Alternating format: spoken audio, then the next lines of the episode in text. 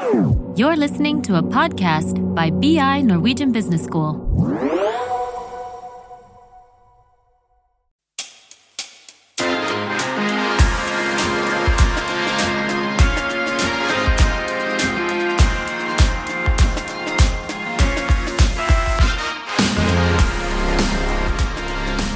Smarte businessmodeller. Det høres jo veldig kult ut. Når jeg hører det ordet, så tenker jeg egentlig rett og slett at det handler om å tjene gode penger. Og kanskje en forretningsmodell kan være med å endre spillereglene i en hel eh, bransje. Men hvordan utvikler man en slik smart forretningsmodell? I dagens episode skal vi snakke om hvordan man kan finne gode forretningsmuligheter. Sammen med oss for å finne ut av dette har vi med seriegründer Martin Schutt, som er ledende parter og co-founder av Askeladden. Han har vært med på å utvikle og lage Cutters, Squeeze, Dr. Drop-In, bare for å nevne noen. I tillegg har vi med Peder Inge Furseth, som er professor innen forretningsutvikling og forretningsmodeller på BI. Peder Inge, kan ikke du fortelle hva er en forretningsmodell? Jeg vil si at En forretningsmodell det er uh, å kunne skape konkret verdi. Uh, det skal være verdi, men det skal også være konkret. Uh, og I tillegg så må man da um, levere verdi og kapre verdi, slik at det blir noe inntjening til bedriften eller lønnsomheten. Men vi har jo også noe som heter smarte forretningsmodeller. Så hva gjør egentlig en forretningsmodell smart? Ja, det er det at man bruker ressursene på en smartere måte. Eh, og det, Veldig mange bygger opp en kapasitet for innovasjon, med mange folk, større innovasjonsbudsjetter. Eh, men det, er, det det er snakk om, er å få mest mulig verdi til kundene ut av de eh, kronene og ressursene man har. Og Det betyr at man skal satse på å forbedre evnen til innovasjon, og ikke bare blåse opp kapasiteten. Et stort innovasjonsbudsjett er stor kapasitet, men det hjelper jo egentlig lite og ingenting hvis man ikke har evnen til å omsette eh, denne, disse ressursene til verdi. Askeladden kom jo inn som eh, frisk pust, nærmest litt eh, småfrekk. Snudde dere de fleste bransjene på hodet. Med deres track record har det så å si regnet som mestere i utvikling av forretningsmodeller. Hvordan bygger man forretningsmodeller som utfordrer spillereglene i en bransje? Nei, så Nå vet jeg ikke om utgangspunktet vårt er å alltid utfordre for å utfordre. Vårt utgangspunkt er alltid å skape noe bra for kunden og tjene penger. Eh, eller skape forretningsmodeller som klarer å tjene penger. Og mm, For vår del så, så, starter det alltid med eh, kunden, som jeg nevnte. Det er det aller, aller viktigste komponenten i en forretningsmodell, spør du meg. Nemlig det å levere verdi for kunden. Uh, og uh, det er der alt starter for vår del. Vi leter etter forbanna kunder. Ser på TV2 hjelper deg, leser på Forbrukertilsynet sine nettsider osv. Og når man har funnet en bransje som er stor nok og som har forbanna nok kunder, så lager vi jo en forretningsmodell internt hos oss som klarer å kapre verdi også for oss. Eh, og det kan handle om eh, grundig analyse av hva slags innsatsfaktorer som tradisjonelt brukes, hvordan de kan brukes på en annen måte, hvordan prismodellen skal se ut for, for kundene, og hvordan vi kan organisere oss som gjør at dette blir effektivt. Men uh, hvordan er det dere egentlig har jobbet med å utvikle de ulike forretningsmodellene? For dere har jo innovert for uh, legebransjen, dere har innovert eh, massasjebransjen, eh, frisørbransjen. Kan ikke vi snakke litt om det? Jo, Nå, vi kan ta Dr. Drop-In som eksempel. Da. Vi eh, som sagt, starter med kunden. Og Der var jo utgangspunktet at det, når du går til fastlegen, så må du vente to uker for å få en time. Da er du enten død, eller så er du frisk når enn den tiden har, gått ofte. Uh, og så så man ganske mange steder i utlandet at det var veldig mange andre som hadde løst disse problemene på en, på en god måte. Um, blant annet et selskap i USA som het eh, Minute Clinic, som var en veldig sterk inspirasjonskilde til, til Dr. Roppin. Dr. Roppin skulle i starten hete Minuttklinikken. Og arbeidet fra på en måte man identifiserer den, den muligheten, er jo å samle så mye informasjon som overhodet mulig. for for å gi oss input i hvordan Dr. Drop-In skal se ut. Og Det er ikke sånn kjempehokuspokus, for når du har noen tydelige inspirasjonskilder, noen tydelige hypoteser på hva slags problemer du skal fikse, så syns vi i hvert fall ofte at øh, løsningen faller litt av seg selv noen ganger. Hvis problemet er lang ventetid, ok, men da må løsningen være at den er kort. og så lager du et system rundt det som, som gjør kundereisen kort og effektiv. da. Har eh, det vært vanskeligere å gå inn i helsevesenet, syns du? Nei, Da vi starta Dr. Så tenkte vi sånn her er det sikkert haugevis av reguleringer og mye greier. Um, det er det ikke. Det er nesten ingen reguleringer for å starte, starte helsetjenester. Det som dog er vanskelig, som er også vanskelig hver eneste gang vi starter noe, det er motstanden fra bransjen som er der allerede. Så eksempelvis med Dr. Droppen igjen, så uh, der er det en som heter Daniel. Dritflink fyr, som er daglig leder og lege, som er i front for Dr. Droppen. Og vi måtte prate med over 50 leger før vi fant en som tenkte at dette var en god idé. Alle de 49 andre sa det der greiene der kommer aldri til å funke. Dere kommer ikke til å klare å ha et legekontor uten helsesekretærer, sykepleiere, resepsjonist, telefontid mellom 11 og 2 og liksom alt det greiene der. Kommer ikke til å funke. Og det, Den støter vi på hver eneste gang vi starter et selskap. Bransjen sier at dette er en sinnssykt dårlig idé. Så dere utfordrer jo bransjen litt, da. Definitivt, det gjør vi, men, men, det, men, vi gjør ikke det for å utfordre. Vi lager bare det vi syns gir mening.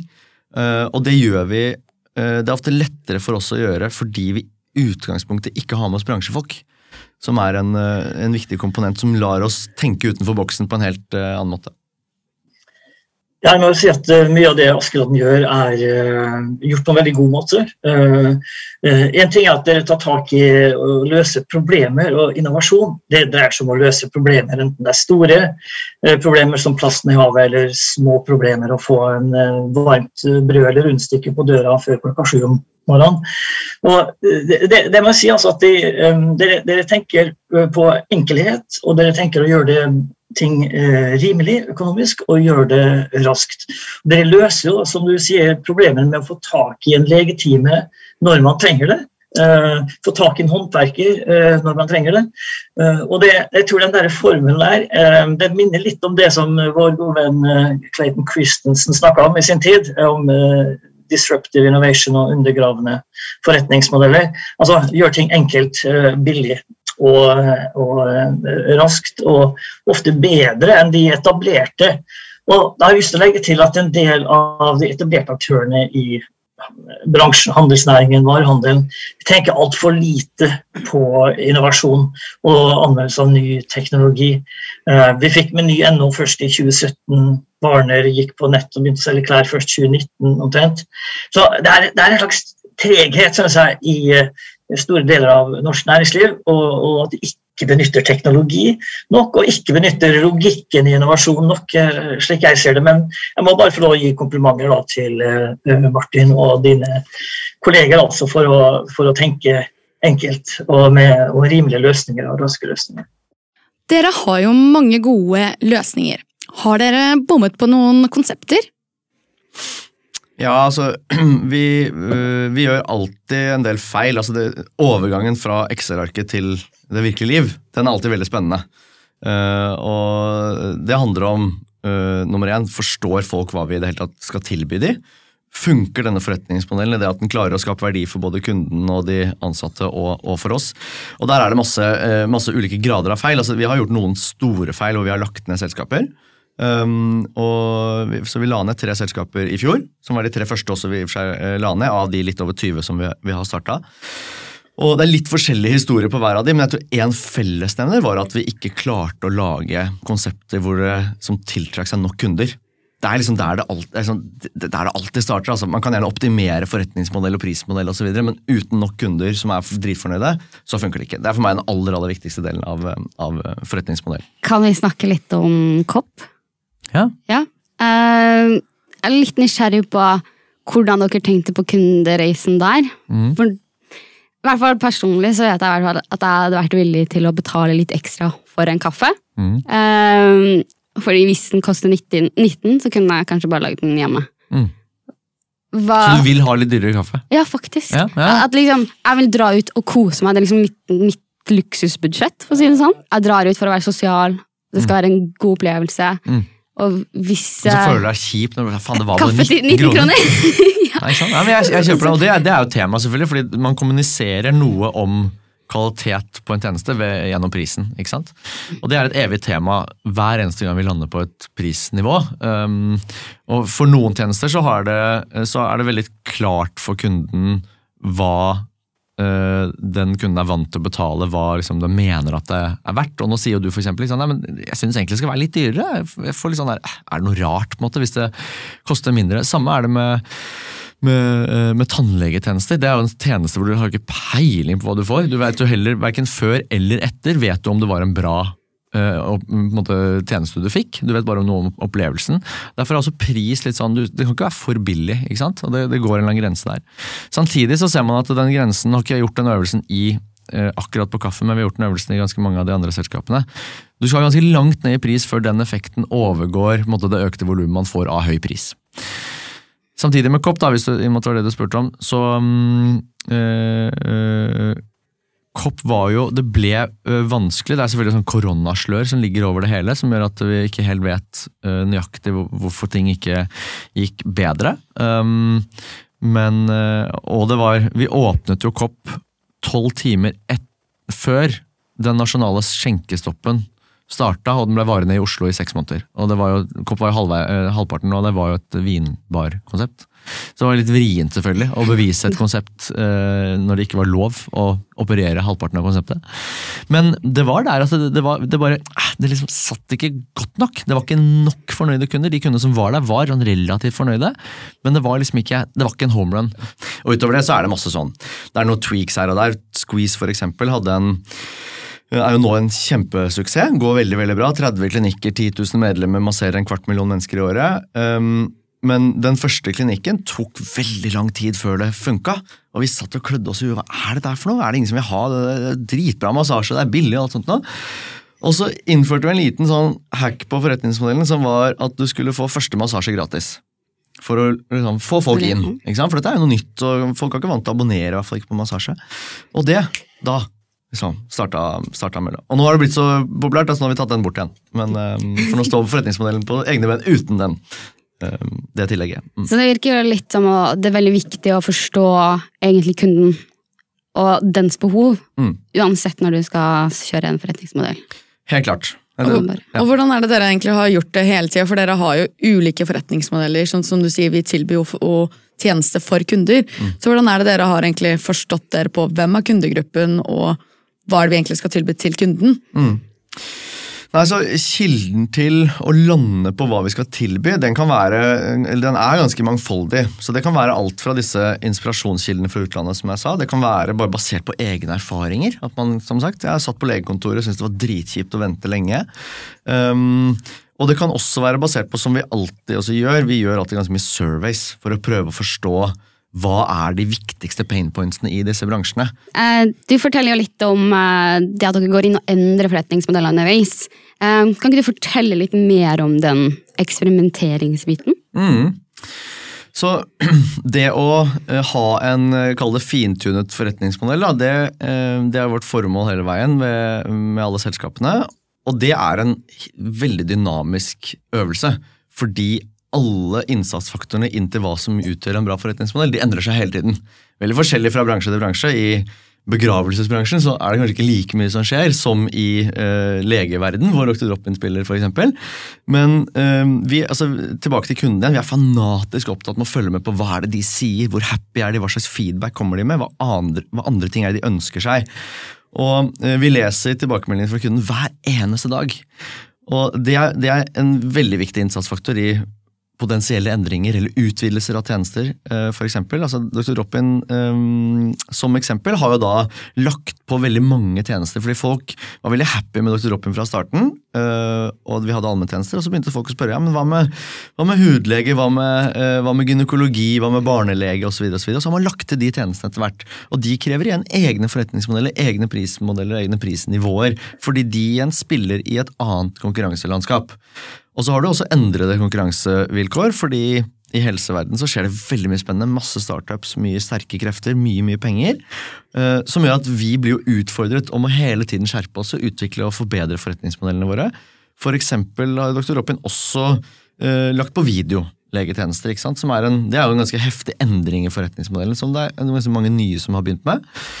Hvor vi har endret, um, endret den. I Verd også, begravelsesbransjen, det er dynamisk der også, faktisk. Der har alle våre konkurrenter kopiert, eller i hvert fall alle av størrelse, da, kopiert vår måte å gjøre det på. Som gjør at vår opprinnelige liksom, pakkemåte å presentere ting på er ikke like unik lenger. Så da har vi måttet endre det igjen. For å igjen skille oss ut. Ja, for at dere har jo liksom start, eller Mange tenker på Askeladden som de skal inn og gjøre ting billigere. Um, men når man ser på andre ting sånn som Squeeze eller eh, Dr. Drop-In, så er det jo ikke så mye billigere enn de tjenestene som er der, men det er andre måter da som dere går inn og, og gjør den tjenesten bedre på. Ja, altså Pris er jo ikke noe poeng i seg selv å gjøre lav. altså alt annet like så er det veldig fint hvis den prisen er også litt høy. For det muliggjør også bra lønninger til de som jobber der, bra fortjeneste til selskapet. Eh, så det er et totalbilde. Det handler om kvalitet, smoothhet, pris, tilgjengelighet osv. Um, og alt er et, eh, det er på en måte et totalbilde. Hvordan er det dere um, ivaretar sosiale og miljøfaktorer, for det står det på nettsida deres. Um, så bare lurer på Hvordan er det dere på en måte drar det inn i forretningsmodellene deres? Ja, det er Bra spørsmål. Det er ganske viktig for oss. Eh, jeg tror Det handler det aller viktigste av de på en måte, kall det ESG pilarene for oss. Da. Det er, S-en, det er den sosiale biten, som handler om folka som jobber i selskapene. Uh, og Der har man jo blitt gjennom tidene litt anklaget for at ja, nei, men folka som jobber der, de må tjene lite, og de jobber altfor hardt. Og alt det der. Og det er helt feil. Vi, uh, er, altså det, er, det er for oss helt åpenbart at vi må være en bra arbeidsgiver. Ellers så klarer vi ikke å tiltrekke alle de folka. Altså, vi har jo hundrevis av mennesker som jobber i de ulike selskapene. Og det hadde ikke gått hvis ikke det var en bra arbeidsplass. Så det vi har som utgangspunkt, er at vi alltid skal betale på eller over bransjesnittet, f.eks. Og så har man ryddige arbeidsforhold, vi gjør ting på en proff måte.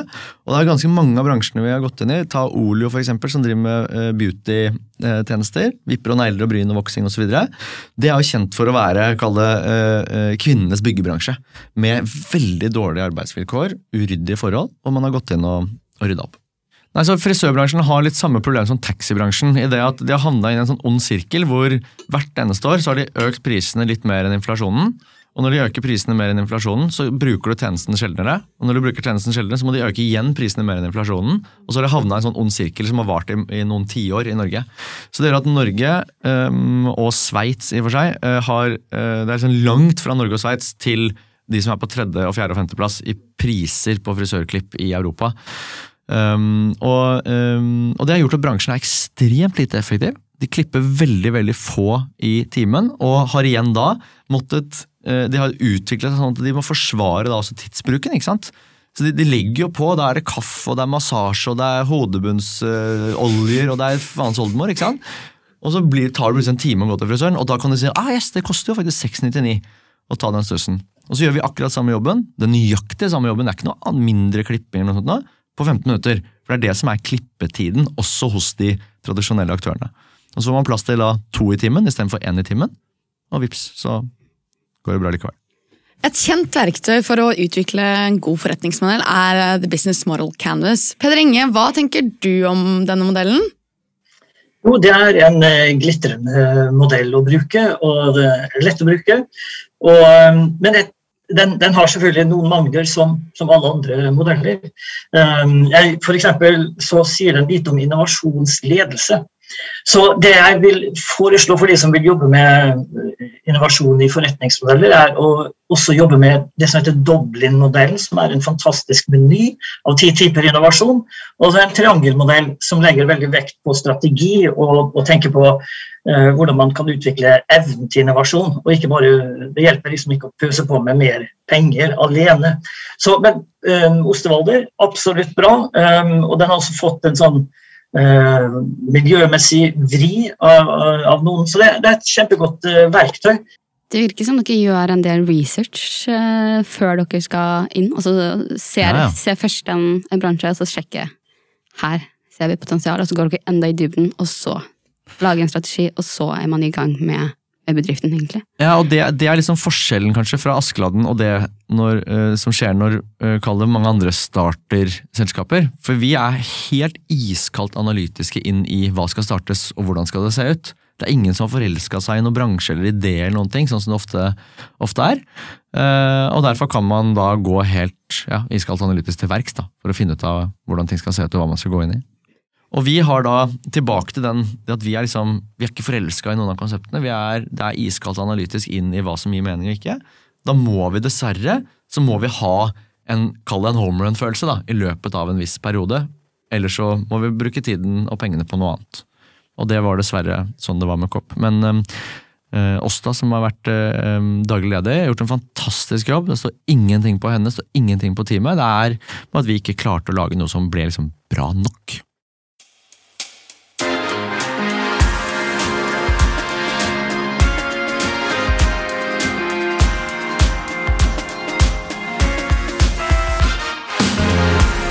Forretningsmodeller handler om hvordan skape og kapre verdi.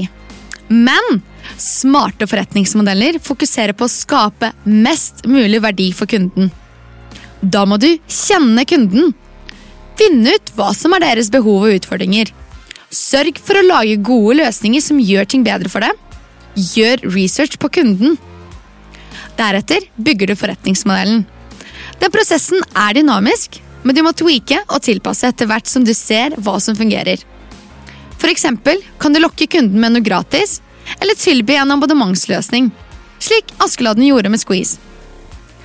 Det finnes mange verktøy der ute, slik som Business Model Canvas og Triangelmodellen, som kan gjøre prosessen enklere. Men i bunn og grunn handler utviklingen av forretningsmodeller om sunn fornuft.